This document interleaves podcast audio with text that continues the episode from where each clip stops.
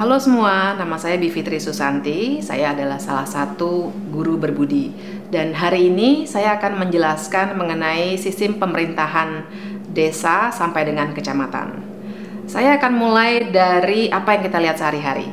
Mungkin kalian pernah berpikir bagaimana jalan-jalan depan rumah kita bisa dibangun bagaimana tiba-tiba ada puskesmas di desa kita atau bagaimana ada sekolah SD, SMP dan seterusnya di lingkungan kita. Nah, itu semua sebenarnya bisa dibangun, bisa dikelola karena ada pemerintahan yang berjalan. Nah, supaya pemerintahan bisa berjalan, mereka dibentuk dalam unit yang kecil-kecil, dalam bagian yang kecil-kecil sampai akhirnya bertemu dengan kita sebagai penduduk.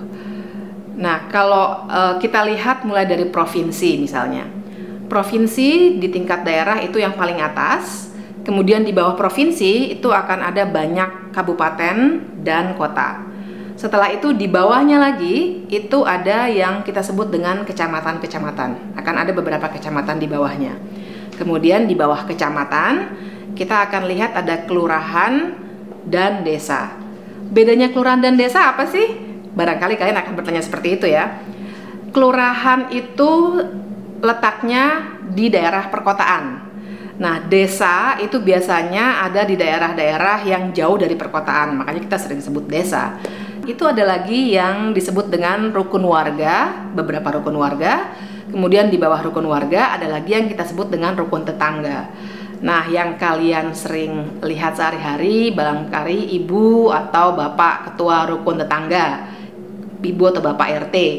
Nah, mereka yang sehari-harinya akan bertemu dengan kita, bertanya soal kondisi dalam rumah kita, tapi data kependudukan kita, misalnya ada berapa orang di uh, eh, RT tersebut atau di RW tersebut, semua disimpan di tingkat kelurahan atau desa.